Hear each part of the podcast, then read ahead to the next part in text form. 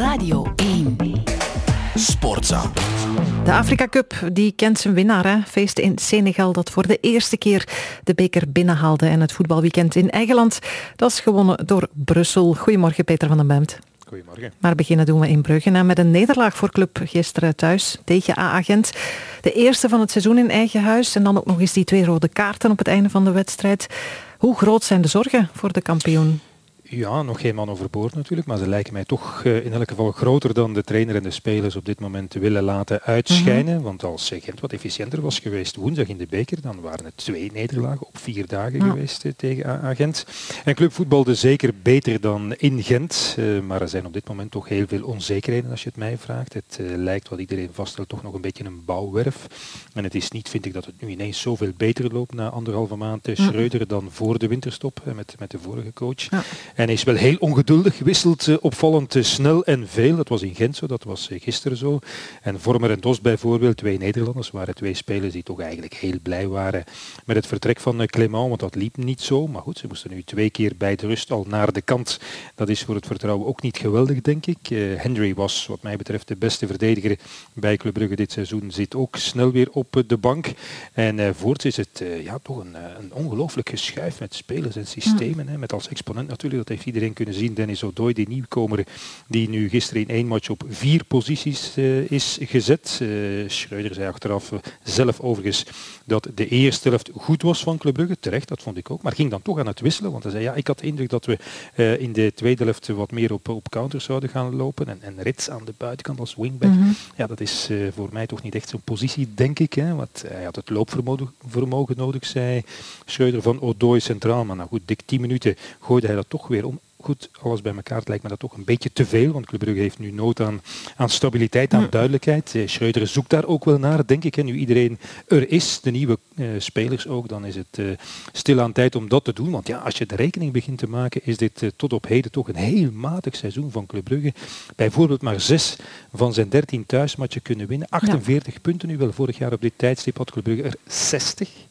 En daarbij ook, en dat is vaak ook een teken aan de wand, zeven keer rood al in de uh, competitie. Ja. Dat is heel erg veel. Al moet ik wel zeggen dat die rode kaart voor Noah Lang nu gisteren wel echt niet ernstig was. Nee, daar is uh, ook heel wat over te lezen in ja, de kranten. Maar in elk geval op zoek naar stabiliteit voor uh, Gent was het wel. De eerste overwinning na de winterstop. Doet die nog mee voor de top 4 eigenlijk? Wow, wat mij betreft wel eigenlijk. Hè. Op voorwaarde natuurlijk dat ze een goede voetbal en, en, die vele kansen die ze ook de voorbije weken konden forceren in de komende wedstrijden ook omzetten, blijven omzetten in, in doelpunten. Hè. Want uh, met Union vind ik Gent eigenlijk op dit moment misschien wel de betere ploeg in de hoogste klassen. En, en vijf punten achter op Anderlecht met nog acht matchen te spelen, dat is ook niet onoverkomelijk natuurlijk. Vooral omdat Anderlecht toch ook geen toonbeeld is na nieuwjaar van, van stabiliteit of nee. uh, constante.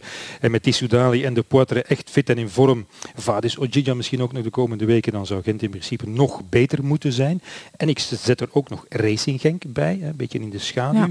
Want die spelen nu de komende anderhalve week twee inhaalwedstrijden. Wel, als ze die winnen staan ze, het is Leuven en KV Mechelen, staan ze op vier punten van Anderlecht. Ja. En ik wil er toch wel even op wijzen dat Racing Genk van die vier topclubs die het de voorbije weken hebben mogen proberen tegen Union, wel de enige zijn geweest die Union gedurende één helft lang, de tweede helft was het al, ja. echt in de problemen hebben gebracht. Ja, want uh, Antwerpen heeft de leider niet kunnen afstoppen. Hè. En Union heeft uh, met 0-2 gewonnen. Uh, ik weet niet of er nog verbazing is. Moeten we nog verbaasd zijn? Eigenlijk al niet meer eigenlijk. En, en, vorige week had ik hier nog gezegd dat Union na die overwinning tegen Anderlecht wel wat meer weer mocht voetballen. Hè. Niet mm -hmm. enkel maar afwachten en alles vastzetten en counteren. Wel op Antwerpen hebben ze een klinkend antwoord gegeven. Borst vooruit een aanval. Uh, Antwerpen in eigen huis en met de steun van de fans toch uh, voor Antwerpen uh, gewoon overklast. Fysiek en voetbaltechnisch. Fenomenale prestatie vond ik dat eerlijk gezegd. Ja. Collectief en individueel. Topschutter Oendaf was toch een tijdje ja, minder. En die was weer top. Die perfecte harmonie met Van Zijr, die ook geweldig was. Nielsen, dat is lopen, knokken, recupereren en voetballen. Achteraan is dat met die ja, tot dit seizoen voor ons toch onbekende jongens een gigantische muur. Mm -hmm. En er is de overgave, de grinta die de spelers en ook de coach uitstralen. Hun ogen spuwen vuur. En kijk, in de maand waarin Union verondersteld werd om eindelijk te plooien, hè, dat ja. was toch de verwachting, is het gewoon verder uitgelopen tot 10 en 12 punten voor.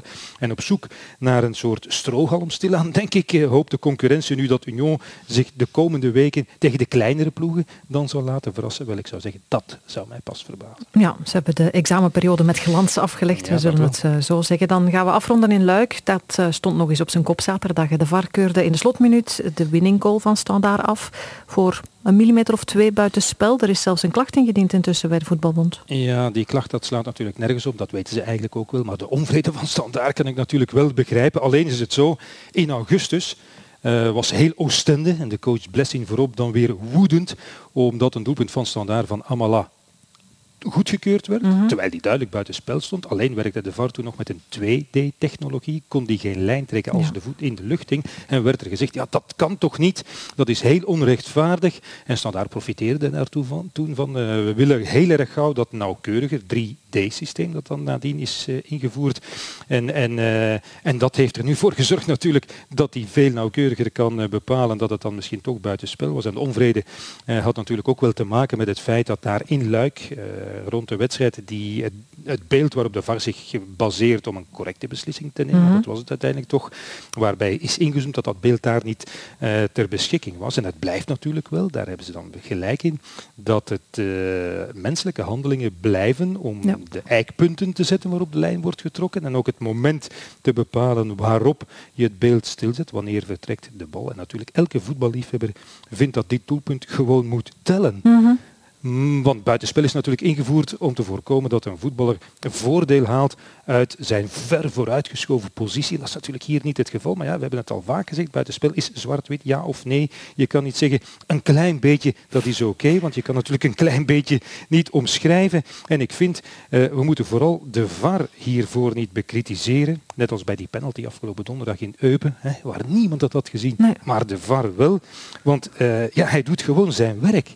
Hij doet wat van hem gevraagd wordt en als we daar ontevreden over zijn en het ons niet kunnen vinden in deze beslissingen die tegen ons gevoel als voetballiefhebber ingaan, ja, dan moeten we niet bij de VAR zelf zijn, maar bij de mensen die hem zeggen dat hij op deze manier moet werken. Dat is duidelijk. Heel erg bedankt, Peter van der.